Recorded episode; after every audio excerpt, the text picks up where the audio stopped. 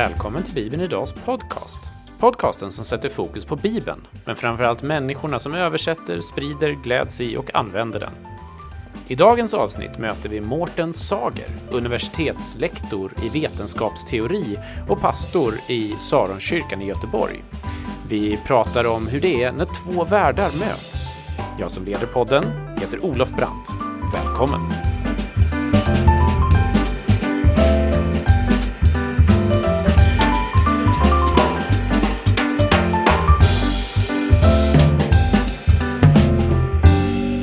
Var ni varmt välkomna tillbaka till Bibeln Idags podcast och idag är det en strålande mm, solig vårdag i Uppsala där jag sitter och har ringt upp eh, Mårten Sager. Välkommen till podden!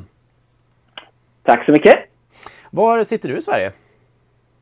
Jag sitter eh, på Göteborgs universitet idag eh, i Göteborg. Och vädret, är det Alltså, eh, det här bekräftar ju en, en eh, tes jag har om att vädret egentligen alltid är lite bättre på östkusten. Ah, okay. eh, för att eh, nu, nu anar man solen ändå genom något slags dis. Men eh, det har varit en ganska grå dag hittills faktiskt. Okay. Eh, men det finns ju andra fördelar med Göteborg. Men då, då undrar jag lite försiktigt, är du från Göteborg i grunden om du har ett sånt uttalande? Alltså, eh, jag kan tala för Göteborg, Göteborg väldigt, på väldigt många sätt. Men, men det är så, jag cyklar till jobbet eh, varje dag. Och, så att jag lever liksom väldigt mycket i vädret och jag kan konstatera empiriskt eh, att eh, eh, men det verkar som att det finns evidens för att, att eh, Göteborg eh, har inte vädret för sig, så att säga. Men jag är, jag är uppvuxen i Göteborg sedan 12 års ålder.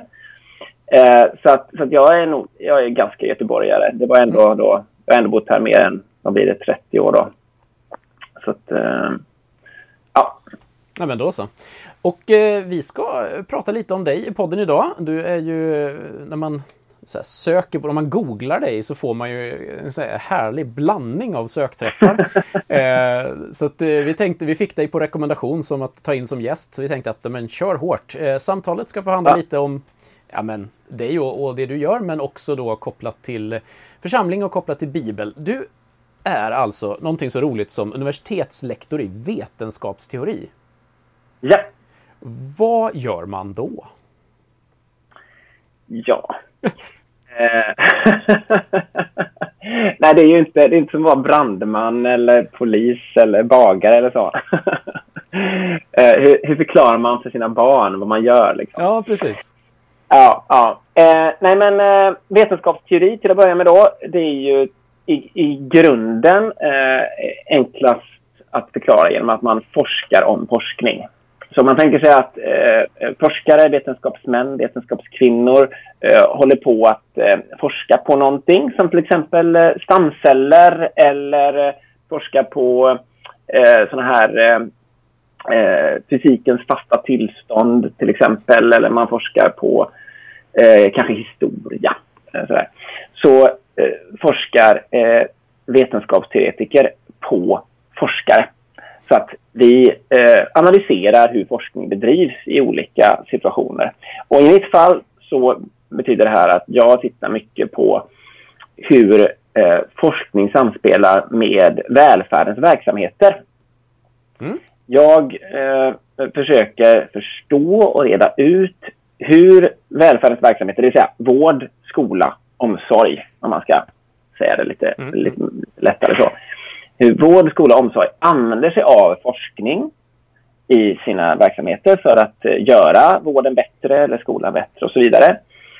Eh, men också hur forskning bedrivs just inom de här områdena. Eh, och så också hur forskare eh, liksom gör för att dela sina forskningsresultat. Och det här som jag just nu har sagt, det kan man kalla för evidensbasering. Det är en sån här term som, eh, som används eh, kanske framför allt inom vården men eh, också i ökande utsträckning i skolan och eh, socialtjänst och omsorgsarbete. Sådär. Eh, målet är att se till att det som görs faktiskt ska vara någonstans vara baserat eller informerat av forskning som finns inom ett visst område. Mm. Och jag tänker att det där är ingenting som man kanske sitter och tänker som, som tioåring, det här vill jag göra när jag blir stor. Så hur hamnade du här? Ja, eh, eh, inte som tioåring tänkte jag nog inte på det. Men däremot så var det någon gång på högstadiet så eh, skulle min mamma, hon var psykiater och hon skulle bli legitimerad psykoterapeut då. Eh, och då var de tvungna att läsa en kurs antingen i statistik eller vetenskapsteori. Och hon läste en kurs i vetenskapsteori. Och eh, så kom hon hem från någon av de här föreläsningarna hon hade haft. Jag tror det var på kvällstid hon läste detta. Så hon kom hem eh, på kvällen och var liksom alldeles uppfylld. Då, och så berättade hon för mig. Och då var jag alltså bara, vad är man på högstadiet då? 14-15 år sådär. Mm. Eh, och då berättade hon att, eh, att eh, vetenskap bygger upp liksom en egen värld. Och att bli forskare, det är att gå in i den här världen. Och i den världen är saker och ting begripliga på ett speciellt sätt. Men eh, det är inte säkert att det är så enkelt att jämföra med en annan sån här forskningsvärld eller en annan värld överhuvudtaget som någon annan har. Och de här världarna då, det var ju begreppet paradigm som hon mm. berättade för mig om. Att, att, att det finns olika paradigm och inom de paradigmen så är liksom en viss kunskap logisk. Eh, vissa fenomen, alltså vissa saker som man eh, vet om och ser och vissa upplevelser blir naturliga och logiska inom det paradigmet. Och då har vetenskapsteoretiker sett att här finns det olika paradigm och ibland så finns det någon slags inkompatibilitet mellan de här paradigmen. Och så berättade hon detta för mig. Och det gjorde hon nog tydligen så bra då så att det ändå gjorde ett intryck på mig. Ah. Så att jag, jag, liksom, jag tog till mig detta. Och det var inte så att jag direkt då tänkte att jag ska bli vetenskapsteoretiker. Nej, nej, nej. Men, men det var så att jag i den vevan eh, råkade hamna på ett konfirmationsläger. Eh, jag är ju inte uppvuxen, min mamma var inte kristen och inte pappa heller. Eh, men jag hade några grannar som var kristna. Så att jag eh, råkade hamna på ett konfirmationsläger mellan, jag tror det var mellan nian och ettan eh, i gymnasiet eller däromkring. Eh, och eh, eh då blev jag troende eh, där på det här konfirmationslägret och lät döpa mig. Och eh, sen när jag kom tillbaka från det här konfirmationslägret och, och, och då hade jag liksom börjat tro på Gud och jag hade ju bett och sjungit lovsånger och firat eh, mässan, alltså gått i nattvard och sånt där. Eh, men, men, men, sen så var jag på naturvetenskapligt program där på Bugården här i Bugårdens gymnasium här i Göteborg och så fick jag frågan av eh, mina kompisar sådär, eh, har du blivit kristen nu? Är du kristen? Och då upplevde jag en väldig konflikt inom mig därför att det var jättesvårt att säga att jag var kristen då för att i de lokalerna i Djurgårdens gymnasiums korridorer liksom, eh, i något trapphus när jag fick den här frågan. Då, eh, där hade jag ju inte varit kristen. Liksom. Nej, just det, just det. Eh, eh, så att, och det blev så här, kan jag säga att jag är kristen? Vad betyder det ens här? Eh, det var ju en sak på det här konfirmationslägret där det har varit hur många fantastiska ledare som helst och man bad ju stup i kvarten och sjöng och lekte och sådär. Eh, så att när jag då försökte, jag försökte sen förstå eh, som, hur går det här ihop? Och också för att på naturvetenskapligt program så är det inte så att man matas med kristen tro direkt. Utan, utan det är ju andra förklaringsmodeller till varför saker och ting finns till och hur saker och ting har utvecklats och sådär. Så att när jag försökte få ihop de här olika världarna, eh, då aktualiserades, då, då dök den här, det här begreppet upp från ah. några år tidigare. Eh, och eh, jag kunde till slut börja se att det här handlar faktiskt om olika paradigm. Nu, så, idag då som vetenskapsteoretiker så vet jag att det är lite slarvig användning av begreppet, men det spelar ingen roll, för det funkade. Och, och det stämmer ju också att det är så att man, det är en bra idé att, att istället för att utgå från att det alltid är en konflikt, fråga sig, ja men vad är det till exempel kristen tro, vad är det den vill säga? Och även om kristen tro gäller hela livet så är det inte säkert att den går emot eller säger emot någonting som jag läser på naturvetenskapligt program och hur eh, biologer har hittat eh, eh, tecken på olika saker, till exempel evolutionsteori. Och sånt där. Så att nu, nu kan vi fortsätta in i en sån diskussion, det behöver vi inte göra. Men, men för mig så var det viktigt att inse att eh, det finns olika världar där olika saker blir logiska eller naturliga eller normala eller vad man ska säga. Eh, det blev ett sätt för mig att, att förstå eh, vad jag har varit med om och, och någonstans försona de här olika bilderna av världen som jag hamnade med. Mm.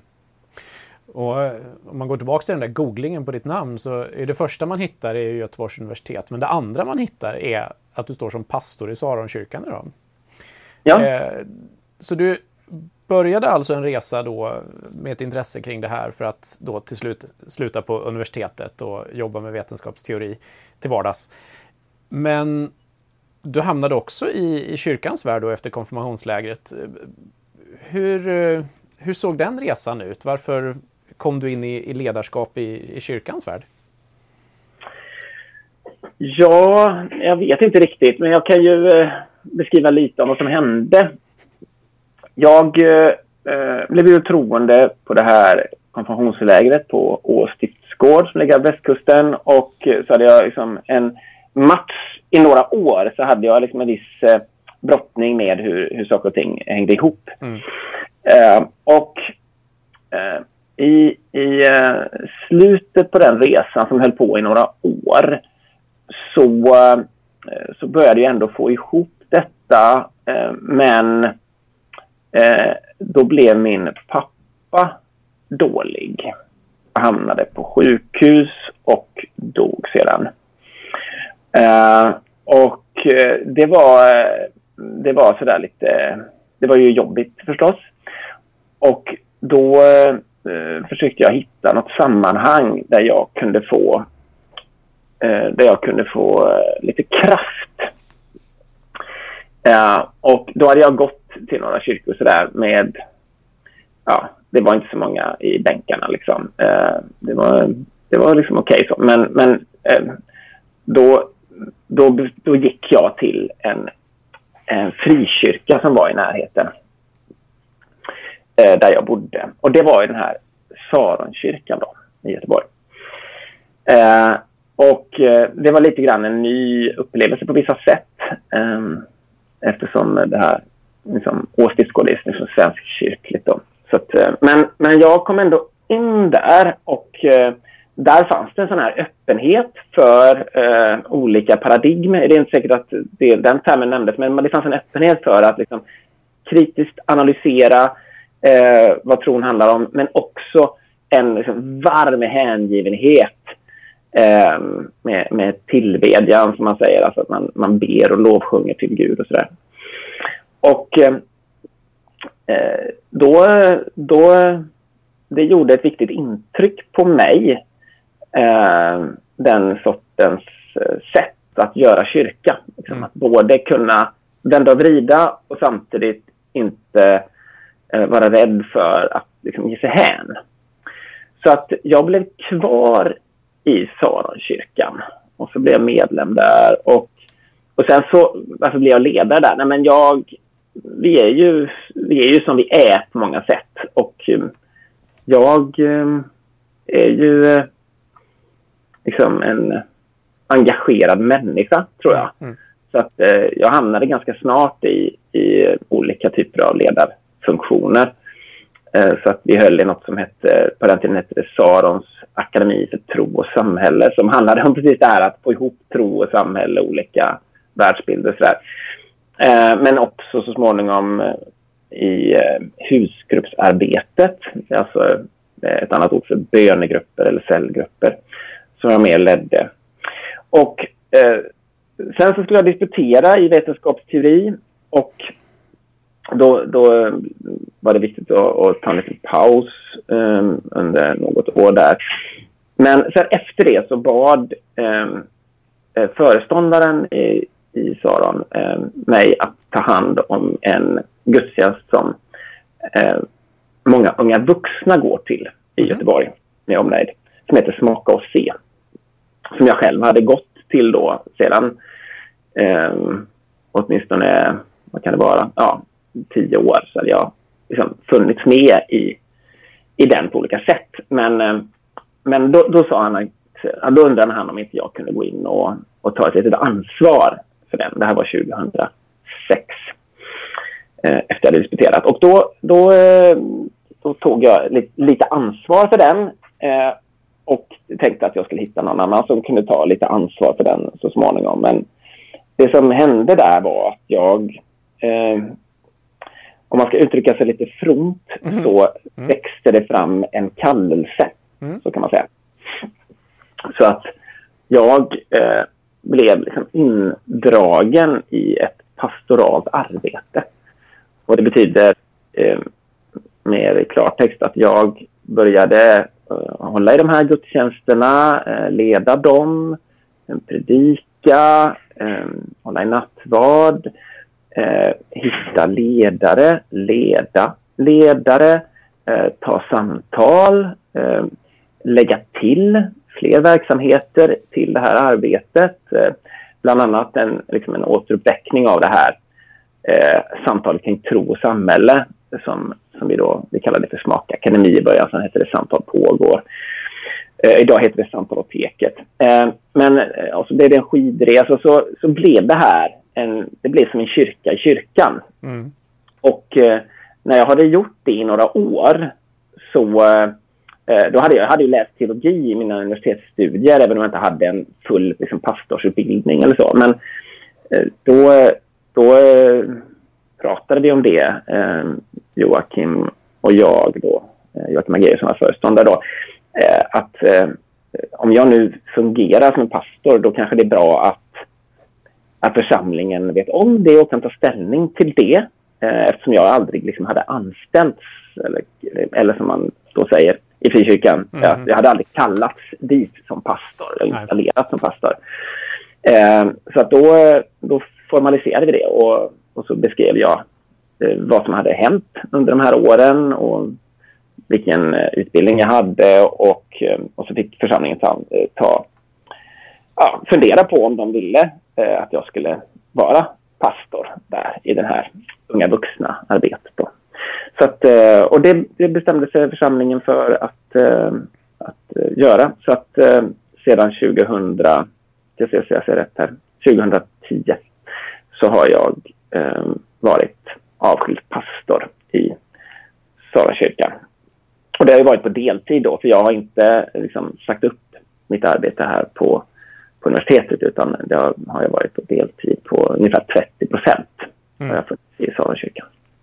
Mm. Ja, det var en, jag vet inte om, om det ja. var en så lång eller så kort det jag skulle vilja ha men ja. Det var väl alldeles utmärkt. Vi fick ju en, en, ja. en, en, genomgång här. Och jag, jag skulle hoppa tillbaka till Å där då, för när, när du då kom in i kyrkan via Å stiftsgård och konfirmandlägret där, om jag känner Å stiftsgård rätt så misstänker jag att det fanns en viss del av eh, möte med bibel och bibelläsning och, och så i, i, det sammanhanget. Eh, mm. hur, hur har liksom din bibelläsning eh, utvecklats i, i den här brottningskampen som fanns? Var Bibeln en, en vän som vandrade vid sidan eller var den eh, problemet som du brottades med eller hur såg det ut? Mm.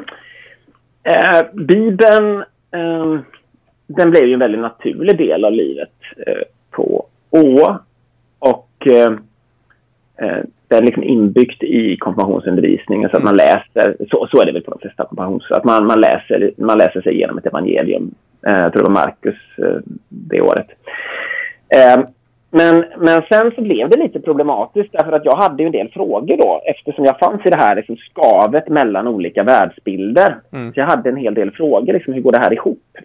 Och då var ju egentligen min fråga, hur går det här som jag tänker ihop med Bibeln? Och då blev ju hänvisningen av de personer jag frågade då. Att, ja men, eh, så här är det. Och så när jag frågade varför är det så? Ja men det står i Bibeln. Ja, just det. Och eh, det var ju liksom en liten kortslutning av argumentationen från min, som jag såg det då. Därför att mm. det jag undrade var egentligen hur kan Bibeln säga det här? Om ja. jag ser och tänker och känner så här. Eller tror så här. Hur, kan det, hur går det ihop med Bibeln? Ja, men det står i, läs bara Bibeln så står det där. Så där kan jag tycka att det var lite slarvigt att man inte att man inte liksom dök ner i Bibeln istället. Mm. Eh, därför att det som jag senare har upptäckt det är ju liksom vilken rikedom Bibeln är. Det är ju verkligen ett bibliotek.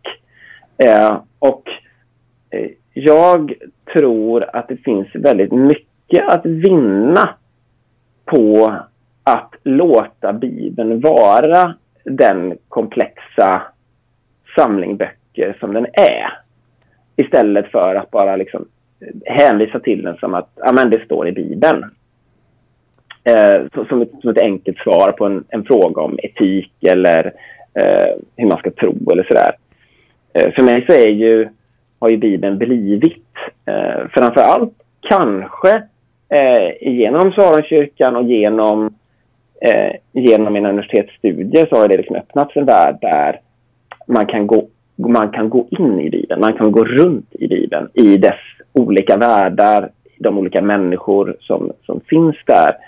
Och inte minst i form av eh, det liksom, samtal kring Bibeln som alla bibelkommentarer och all bibelforskning eh, utgör. Mm. Eh, och ska man lägga till, eh, om man nu har liksom, turen att finnas tillsammans med andra människor i en församling eller någon slags gemenskap, eh, att Bibeln också kan vara den här samtalspartnern i ett samtal där andra människor får dela med sig av sina liv utifrån vad Bibeln väcker. Mm. Eh, där liksom Gud talar genom alla dessa röster så, så, så händer det någonting där man får en, eh, vad ska man säga, ja, men man, eh, det, blir, det blir nästan som en, en kör av olika stämmor eh, som, som man får, som jag släpper in i mitt liv och som kan börja eh, ett, också ett inre samtal i, i mig själv om jag tillåter ett sånt yttre samtal då med olika kommentatorer och, och människor som jag delar Bibelns berättelse med. Mm. Du, du rör dig ju då, vad man kan tro på den här introduktionen i alla fall, ganska fritt mellan det vad ska vi säga då, den akademiska världen och den kristna världen om vi använder oss av värdbegreppet här. Eh, möter du någon gång problem ifrån den ena eller den andra världen? Alltså, får du skeptiska frågor utifrån dina akademiska vänner som säger vad, vad ser du i kyrkan? Eller åt andra hållet, kyrk, eh, kyrkvana människor som tycker att ja, men vad, vad har akademin att ge egentligen?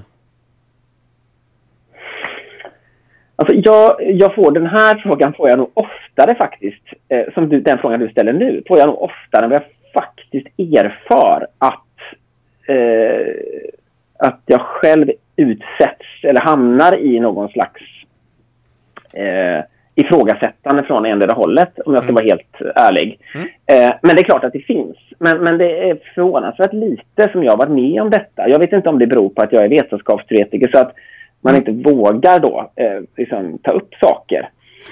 Eh, eh, ja, att, att man kanske liksom... Eh, jag vet inte. Jag har inte, jag har inte speciellt många kollegor som har liksom, tagit upp detta som ett... Eller så har jag bara haft tur och finns i generösa miljöer där det inte är eh, betraktas som, eh, som konstigt. Möjligtvis att det har varit liksom nyfikna så här. Ah, hur tänker du kring det här? Eller hur får du det här att gå ihop? Men, men inte den här... Men det går ju inte. Liksom. Det har jag faktiskt inte mött så mycket. Sen, sen i kyrkan så, så finns det ju... Men även där, jag vet inte om det är det att jag eh, också... Jag, menar, jag har ju liksom varit ledare och pastor och sådär. Och jag vet inte om det finns en viss... Om man inte... Ja, jag vet inte om det skapar en, en eh, en situation där man inte tar upp, i varje fall kritiskt. Däremot är det, det är många unga vuxna som har frågor om detta. Ja. Eh, men det är mer för egen del, att man vill få, få ihop det. Liksom. Hur tänker du? Vad, eh, nu har jag läst den här kursen på universitetet och det känns som att jag inte kan tro längre. Den mm. sortens frågor. Men inte till mig att inte mycket i alla fall, där, där man har varit liksom kritisk att håller du på med vetenskap. Eh, det, det ska du akta dig för. Liksom. Det har ju hänt, men inte, det är ingen dominerande. Det är, det är inte dominerande, tycker jag. Eh, när, när, när det är nyfikna frågor från, från dina eh, kollegor då så, eh, är det något särskilt som brukar komma upp? Eh, vad, vad, är det som, vad är det som intresserar en, vad ska vi säga då, en sekulariserad akademiker när man möter en, en kristen akademiker? Mm. nu är ju alltså materialet som jag har tillgå nu då, eh, det vill säga materialet i form av frågor som har kommit till mig, är ja. ju inte så stort. Men om jag ändå ska liksom, försöka liksom, se något slags mönster i detta lilla, lilla material. Ja. Eh, eh, så, så är en fråga som jag kan få, det är ju eh, eftersom jag då håller en utbildning som handlar om att vi ska mer liksom, lita till vetenskap i utformning av vård, skola och omsorg mm. eh, och andra områden. Då är ju frågan, men eh, vad... Eh, om du säger att vi ska liksom, eh, utgå från evidens, eh, vad har tron för evidens? Mm. Det är ju en sån, en sån fråga. Men sen finns det den motsatta frågan från det andra hållet. Det är ju frågan från den som tycker att jag är för liksom, vetenskapstroende, mm. ungefär. Eller att vetenskapstron på något sätt borde utesluta en, en tro på Gud. Så. Eh, men från andra hållet i akademin så är det ju så att jag har ägnat mig en del liksom, åt konstruktivistisk vetenskapsteori.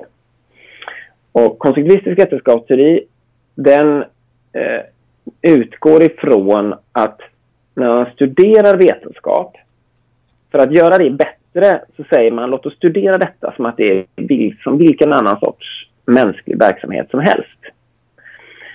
Och eh, Det betyder att man inte utgår ifrån att om jag nu tittar på en viss forskning, till exempel stamcellsforskning som jag eh, tittar på i min avhandling. Om jag tittar på den så utgår jag inte ifrån att den har hittat sanningen om stamcellerna. Okay. Eh, utan jag antar att det här är liksom en, en process där eh, olika forskare har försökt sätta ihop vetenskapen på olika sätt. Därav det här konstruktivistiska, att man försökt sätta ihop olika teorier och apparater och begrepp. Och eh, Man försökt skapa observationer på olika sätt genom apparater och sånt där. Så att man, man tittar på det här är sammansatt, därav den här beteckningen konstruktivism. Då. Och i den processen så betyder det ju att man relativiserar. Så att det också finns inbyggt en viss relativism i det. Ja, just det. Uh, nu, blir, nu blir detta, jag vet inte om uh, vi stiger mot höjderna nu här för snabbt, men jag kan ändå försöka lite till. Ja, och den här relativismen, den är ju liksom inget totalt ifrågasättande om det finns sanning eller inte, utan det här är ju en slags metod. Ja. Så det är en metodologisk relativism. Det är en metod för att kunna förstå skillnaden mellan olika forskare och mellan olika eh, forskningsresultat. Eh, och det som händer då, det är ju att man istället för att liksom, ta, eh, eh utgå från den senaste forskningens eh, definitioner och slutsatser och, och så, så kan man öppna upp det som man tittar på för att få fram alternativa bilder av hur skulle man kunna tänka kring stamceller. Vad skulle kunna vara liksom, rätt eller fel stamceller och sådär. Eh, eller rätt eller fel liksom, slutsatser om stamceller, hur de fungerar. Sådär. Så, så relativismen här, den består i att titta på den forskning som görs på ett, kan man säga, ett öppet sätt utan att utgå ifrån att en viss forskningsinriktning det är det sanna och de andra har bara fel. Utan istället försöker man se hur båda på något sätt har hittat någonting och kanske missförstått någonting. Eh, så det här är en väldigt kraftfull metod för att se mer. Ja, just det. Den här metodologiska relativismen. Eh, men den kan missuppfattas som att man säger att det inte finns någon sanning. Men det, det handlar inte om det, för man uttalar sig inte om, om sanningen egentligen, utan man vill försöka förstå mer av hur forskning går till. Eh, och, och, från det hållet då, om, om, jag nu har sagt att jag håller på med konstruktivistisk och en sån här eh, metodrelativistisk vetenskapsteori. Där undrar ju folk, om du nu är relativist, vilket jag ju liksom inte är i någon enkel mening, men om du nu är relativist, hur kan du då tro på en gud som finns som en absolut sanning i tillvaron. Just det. Så då misstar man den här liksom, metoden för att, liksom, att det är faktiskt ett uttalande om vad som finns ontologiskt, kan man kunna säga då, om man är van vid sådana ord, men det vill säga vad som verkligen finns. Liksom. och, och, och, det är helt enkelt en sammanblandning. Att eh, man kan ju liksom metodiskt undersöka, och det gäller egentligen, så, på samma sätt kan man jobba med Bibeln, man kan undersöka hur har den här skapats, eh, hur har olika eh, bibelböcker kanske stått emot varandra, lite olika teologier, olika synsätt på Gud och att man tittar på det. Man kan titta på det relativistiskt också för att få se men vad är det de faktiskt säger så att man inte utgår ifrån till exempel en luthersk syn på nåd utan man försöker verkligen vara öppen för vad är det Bibeln säger. Mm.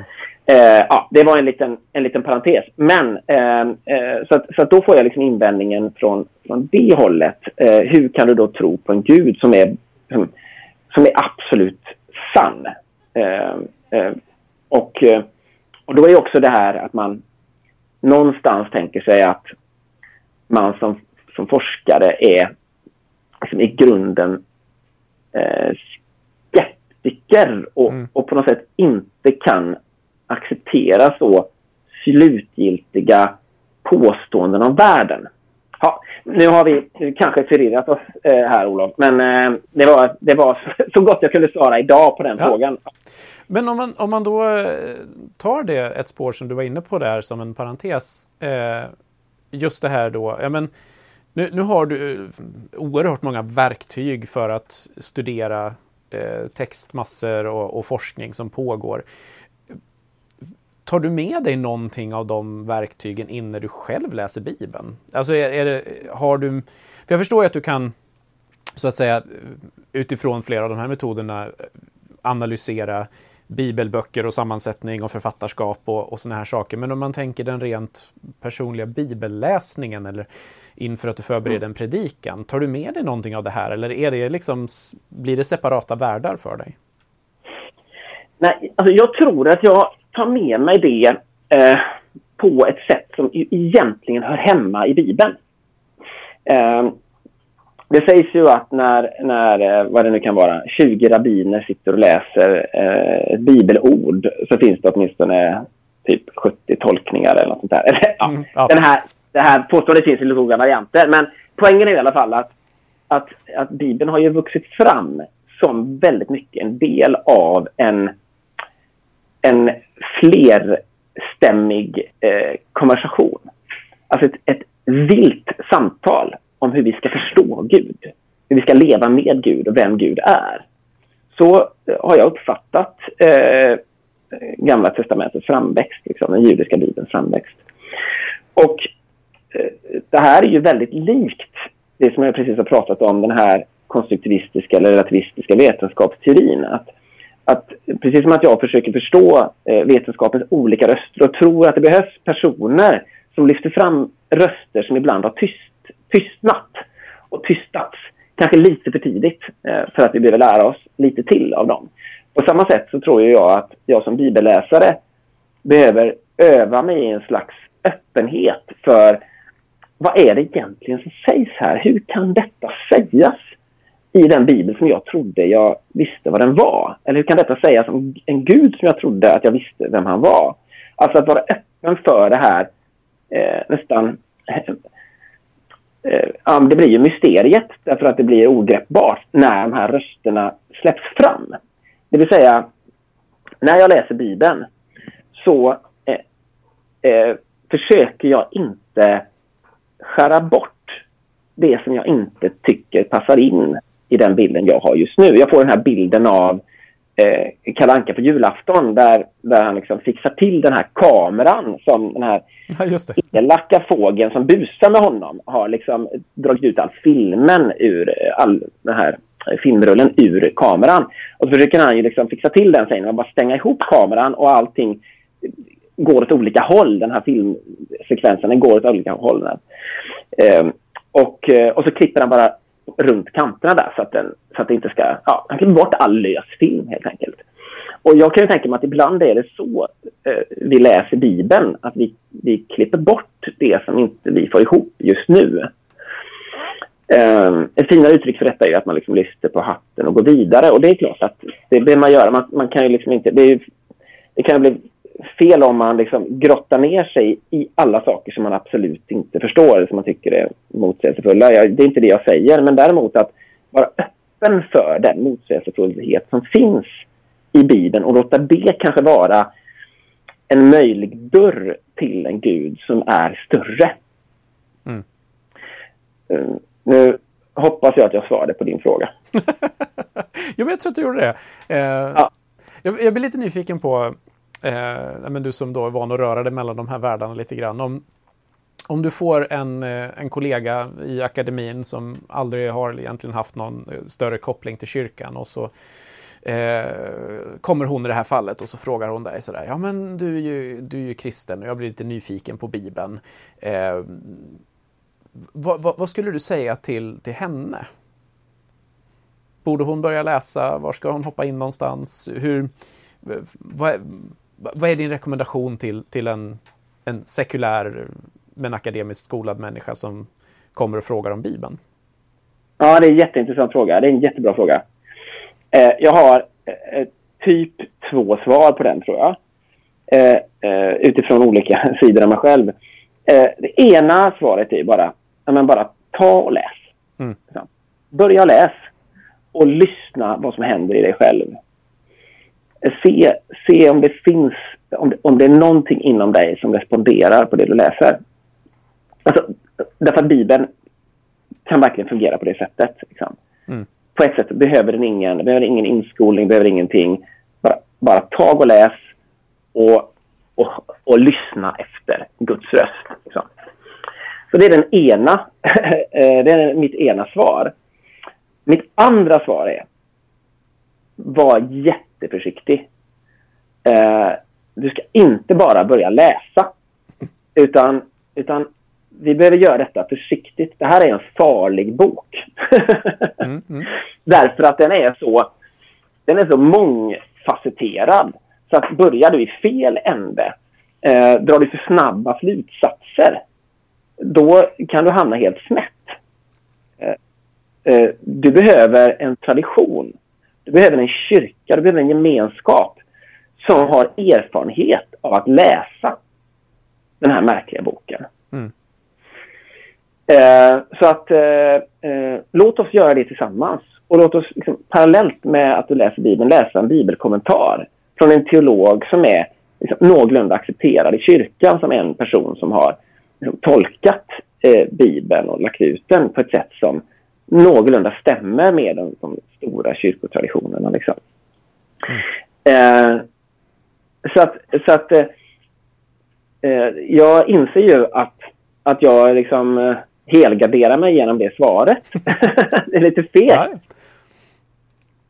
Nej, men jag vet inte om jag tycker det är fegt. Jag tycker det låter ganska vist, ärligt talat. Ja, jag, jag, kunde inte låta bli att bli intresserad när jag såg på din presentation här på universitetets sida att du har jobbat med, jag vet inte vad man ska kalla det, även eh, mjuka vetenskaper. Alltså, när jag tänker vetenskap så tänker jag ju många gånger att det handlar om eh, om matte eller medicin eller alltså sånt här som är väldigt empiriskt och eh, lätt att mäta. Men du pratade bland annat om omsorg och du pratade om eh, men skolans värld. Eh, och jag ser också att det stod någonting om att du hade jobbat med någon slags sammanställning av eh, eh ja, det var, jag vet inte exakt vad det var, för jag lyckades inte få fram det, men det handlade om förebyggande av suicid och någonting om arbete mot våldsbejakande extremism. Stämmer det?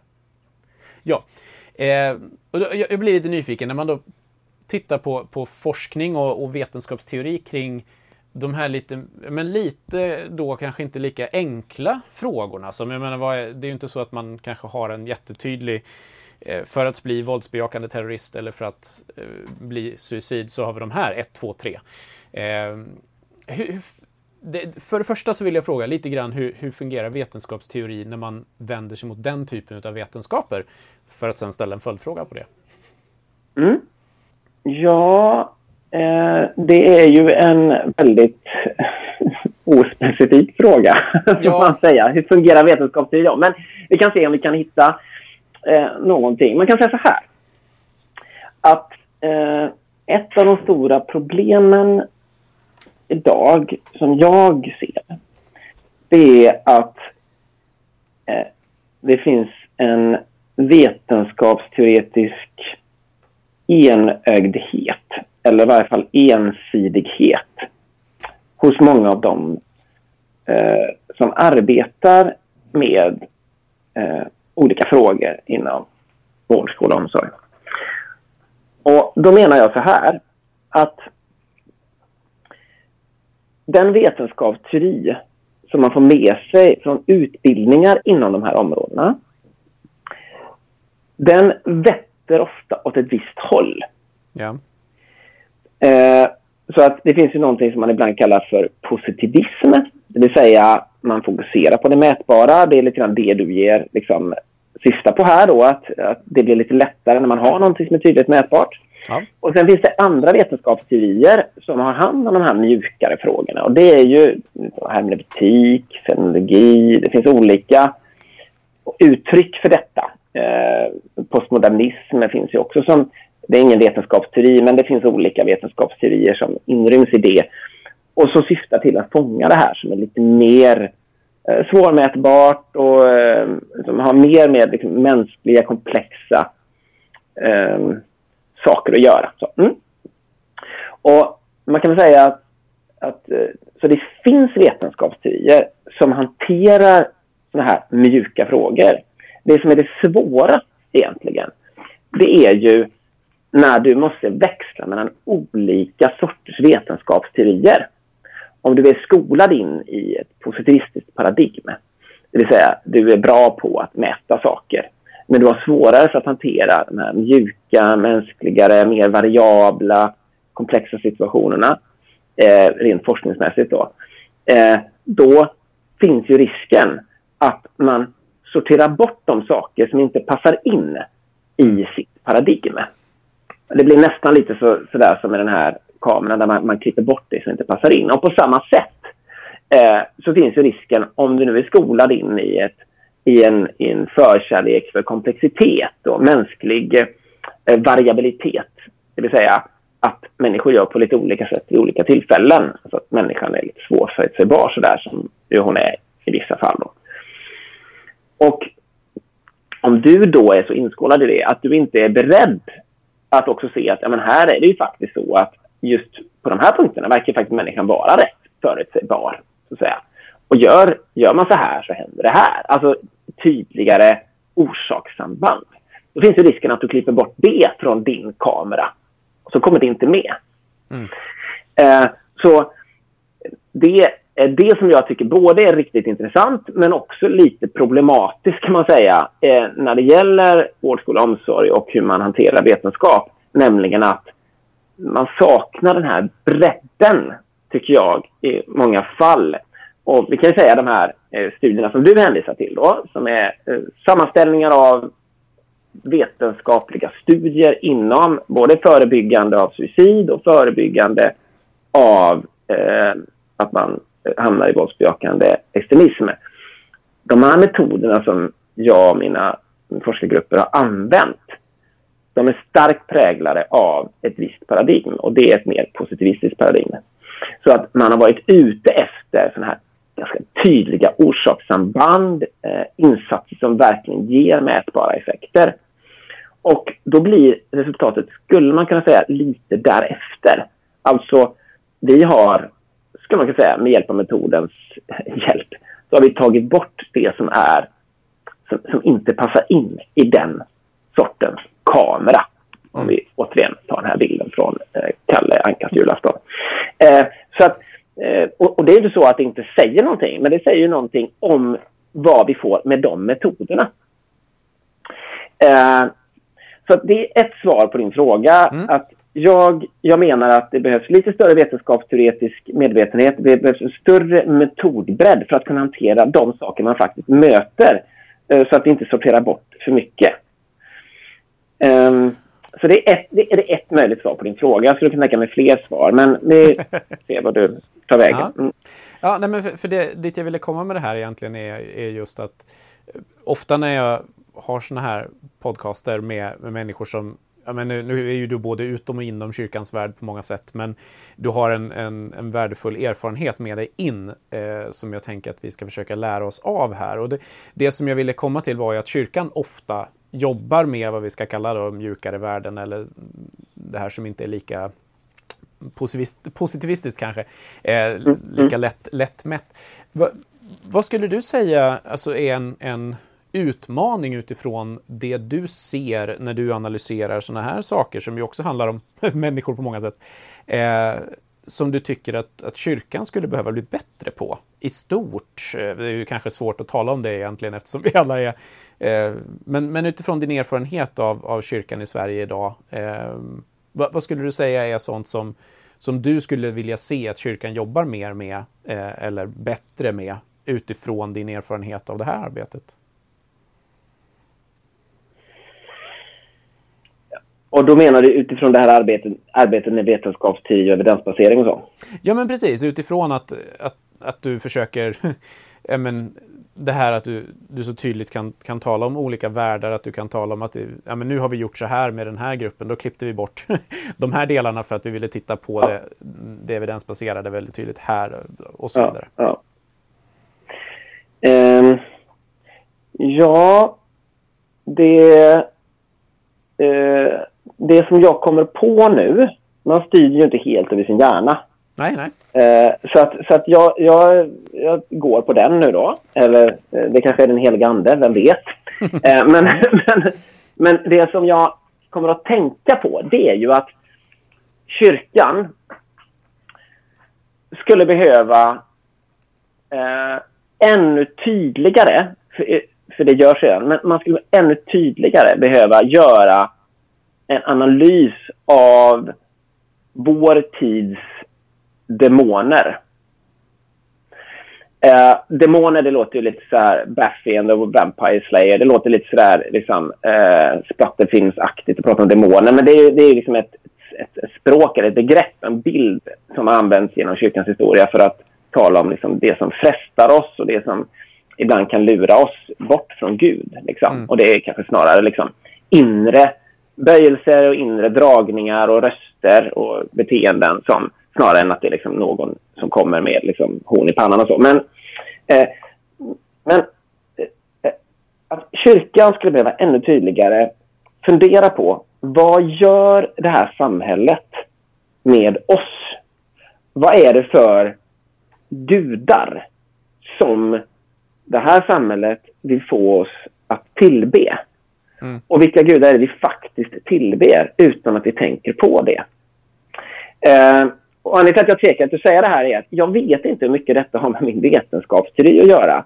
Nej. Utan möjligtvis så skulle det kunna ha att göra med att, att om man ser den här mätbarhetsvurmen. Mm. Om man ser att eh, vårt samhälle väldigt mycket liksom, vill se resultat. Eh, och på det sättet kanske går på någonting yttre.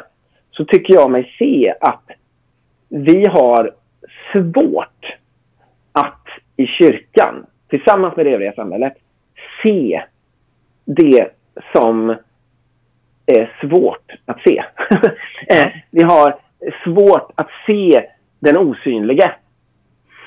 Eh, och, eh, och det smyger sig på. Liksom. Eh, och jag tror att, att, eh, jag tror att eh, Guds tron ju är en tro. Det handlar om att liksom, tro eh, för att se och förstå någonting som inte fullt ut går att se. Mm. Men, men det är ju lätt hänt att om man omger sig med det som går att se väldigt enkelt då tränas våra ögon till att se det lättsedda men inte se det som nästan är osynligt. Um, och på ett sätt så behöver man inte vara vetenskapsteoretiker för att säga det här. Det räcker att läsa Hebreerbrevet 11. Eh, liksom. Eller någon, någon annan bibeltext som tar upp det här med liksom, trons ögon, mm. trons seende. Um, men det finns ju vetenskapsteoretiska kopplingar. Det vill säga, när jag säger att det finns ett problem att vi i studiet av suicidprevention eller förebyggande av våldsbejakande extremism liksom inte får syn på så mycket på grund av metoden. Ja. Så det är samma sak som händer. Nämligen att en viss metod är den som vi vill använda för att det är kanske den som ger status eller prestige eller tyngd.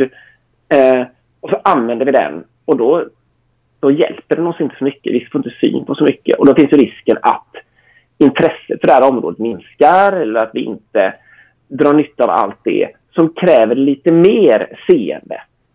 Eller ett annat seende. Eh, vad det skulle kunna ge oss då. Så det är väl möjligtvis om man vill ha en parallell här. Eh, nu svarade jag bara det som dök upp så att jag, mm. det är inte genomtänkt. Ja, det är ju inte så att du har fått frågorna i förväg så att det är ingen uppsats vi kräver av dig. nej, nej, nej, nej precis. precis. Mm. Jag tänkte vi ska avsluta med eh, en, en, fråga här eller ett resonemang kring... Eh, du, du jobbar ju då med, med unga vuxna framför allt i din roll som, som pastor och du har ju berättat lite grann om det här tidigare med vad ni gör och sådär. Och jag är lite nyfiken. Du har alltså jobbat med unga vuxna som, som ordinerad pastor eller vad man säger sedan 2010 sa du va? Ja. Och varit med i verksamheten en, en stund före det. Eh, vi, vi, har haft, inte som ett genomtänkt tema egentligen, men som tema i, i podden ändå här, att vi har pratat en del kring, kring generationer och eh, kring vad som eh, rörelser i, i eh, hur, eh, vad heter det, hur Eh, olika generationer förväntar sig olika saker av kyrkan, man, man behöver olika saker och vissa generationer har svårare för, för vissa saker. Eh, så jag skulle vilja vara lite ny, nyfiken och intresserad här om du ser någonting i den generationen du möter just nu av unga vuxna som du tycker skiljer sig mot när, ja, men när du själv kom in? Eh, du som är, ja, men så, som är lite analytiskt lagd, är, är det någonting som du lägger märke till i och som du tänker att kyrkan behöver vara uppmärksam på? Um, ja, men jag kanske har två svar där också. Mm. Eh, där det ena eh, eh, kanske är mer av det som du söker, nämligen att eh, unga vuxna idag, de är, de är väldigt, väldigt duktiga. Eh, mm. Det kanske är de jag möter, men de jag möter de är väldigt, väldigt duktiga. De är väldigt kunniga. Eh, de har väldigt starkt liksom, rättfärdighetspatos rättvisepatos. Mm. Ehm, eh, de, de skiljer inte på liksom, andligt och världsligt när det gäller de frågorna. Det vill säga, de, de reagerar instinktivt på, eh, på orättvis behandling av olika grupper i samhället. Eh, de reagerar på en en, eh, ett eh, förtryck av naturen, planeten. Och det, det tror jag skiljer sig... Alltså, det är så himla svårt att säga. Det är så väldigt svårt att säga. Eh, hur var det förr då? Ja, För det beror så mycket på vilket sammanhang det finns i. Det finns olika teologiska betoningar, olika sådär. Men varje fall om du tittar på, på, på, min del av frikyrkan som jag har blivit en del av så kan man se att där är det i alla fall ett brott. Mm. Eh, där var liksom det andliga, det var inte riktigt lika på det sättet. Inte samhällsengagerat på det sättet. Nej. Det var samhällsengagerat på väldigt många andra sätt. Men, men just eh, eh, de här liksom, demokratiska frågorna kan man säga och ekologiska frågorna. Mm. De är en sån inbyggd del. Så att om inte kyrkan tar vara på det och lyckas liksom, teologisera det om man får uttrycka sig så. Det vill säga försöka inse vad Guds röst och Guds kallelse är i detta. Om, eller man kan uttrycka sig så här. Om man inte lyckas förstå det profetiska i unga vuxnas mm. längtan och reaktioner, då tappar man ju bort eh, en del av Guds kallelse till kyrkan idag. Mm. Så eh, storvulet eh, kan man uttrycka sig då. Mm. Eh, så det är det ena svaret eh, alltså, lyssna på unga vuxna. Därför att jag tror verkligen att det finns någonting med jag tror verkligen det finns någonting med att Gud använder nya generationer för att säga nya saker. Mm. Eh, så lägg örat tätt intill och ta vara på den kraften och eh, också till delvis den visdomen som, som kommer därifrån. Sen så menar jag att det är de äldre vuxnas ansvar att, att eh, addera sin sin vishet också till detta, sin, sin liksom mognad och stabilitet och sådär. Eh, ja, så det är ett svar. Det andra svaret,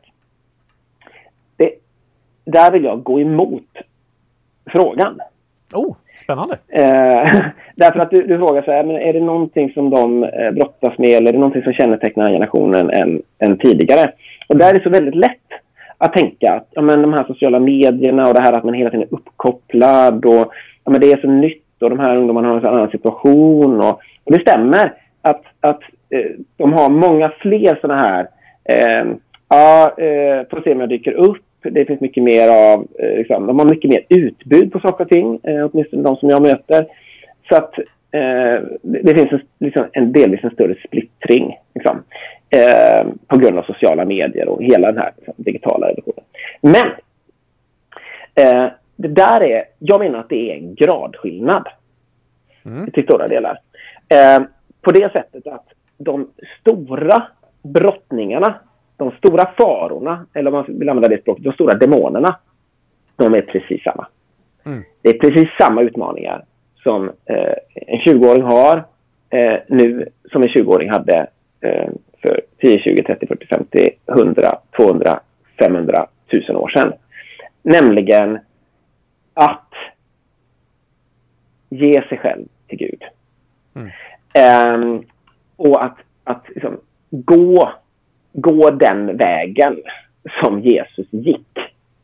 Eh, det blir liksom inte svårare än så, det blir inte lättare än så.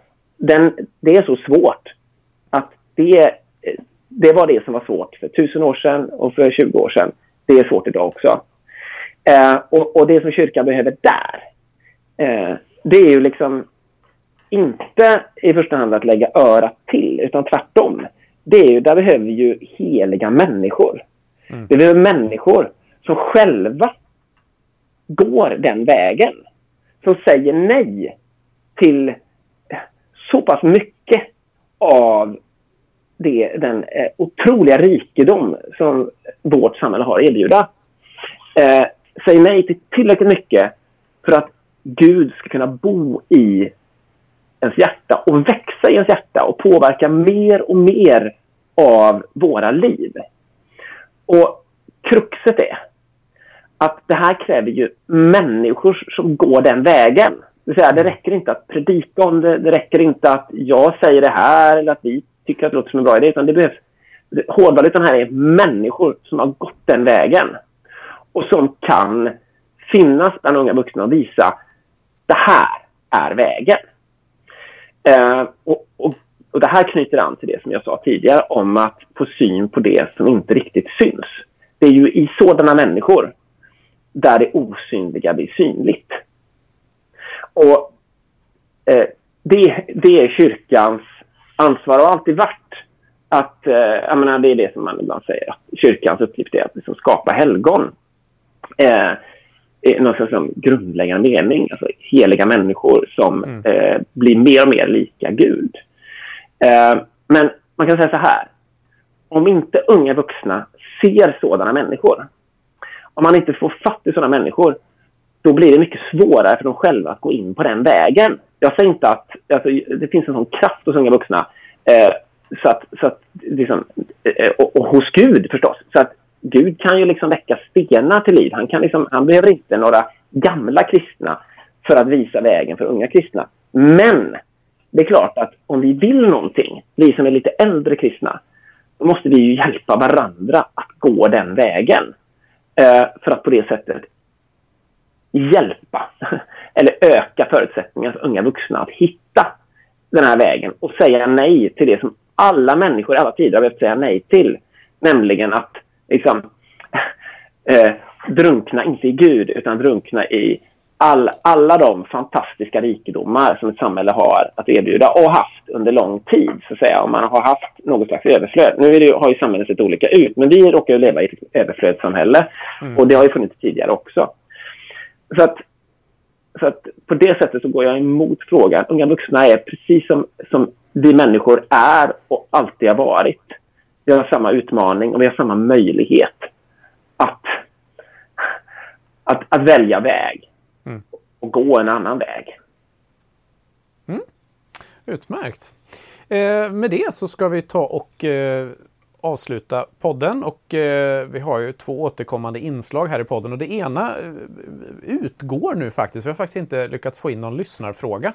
Eh, så du, vi, vi har vi kanske hållit på tillräckligt länge ändå. Men mm däremot så ska det sista momentet ska du få, få vara en del av och det är alltså dagens tips. Där du får ett tips från vår gäst eller från mig själv om någonting som du inte får missa. Veckans tips här nu då. Och eh, det är här alltså, du får nu då helt fritt tipsa om någonting som du skulle vilja tipsa om. Det kan vara populärkulturellt, det kan vara en konferens, en eh, YouTube-film, vad som helst eh, som du har upptäckt och som du skulle vilja tipsa våra lyssnare om.